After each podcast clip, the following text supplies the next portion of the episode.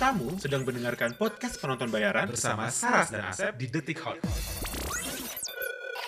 menurut gue pesannya ya biarpun semua nggak semua film harus ada pesannya ya secara tersirat kayak ya udah lo kalau misalnya lo punya masalah lo hadepin dan lo jalanin aja hidup lo terus Iya, dari iya. hari ke hari. Eventually masalah lo akan selesai.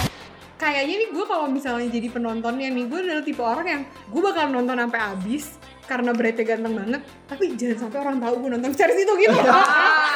Lo kayak guilty pleasure gitu. Ini 2020 nih.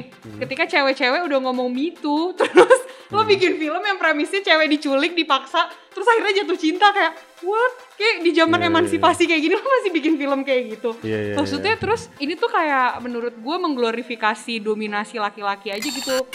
Kamu bisa follow dan download podcast ini di Spotify.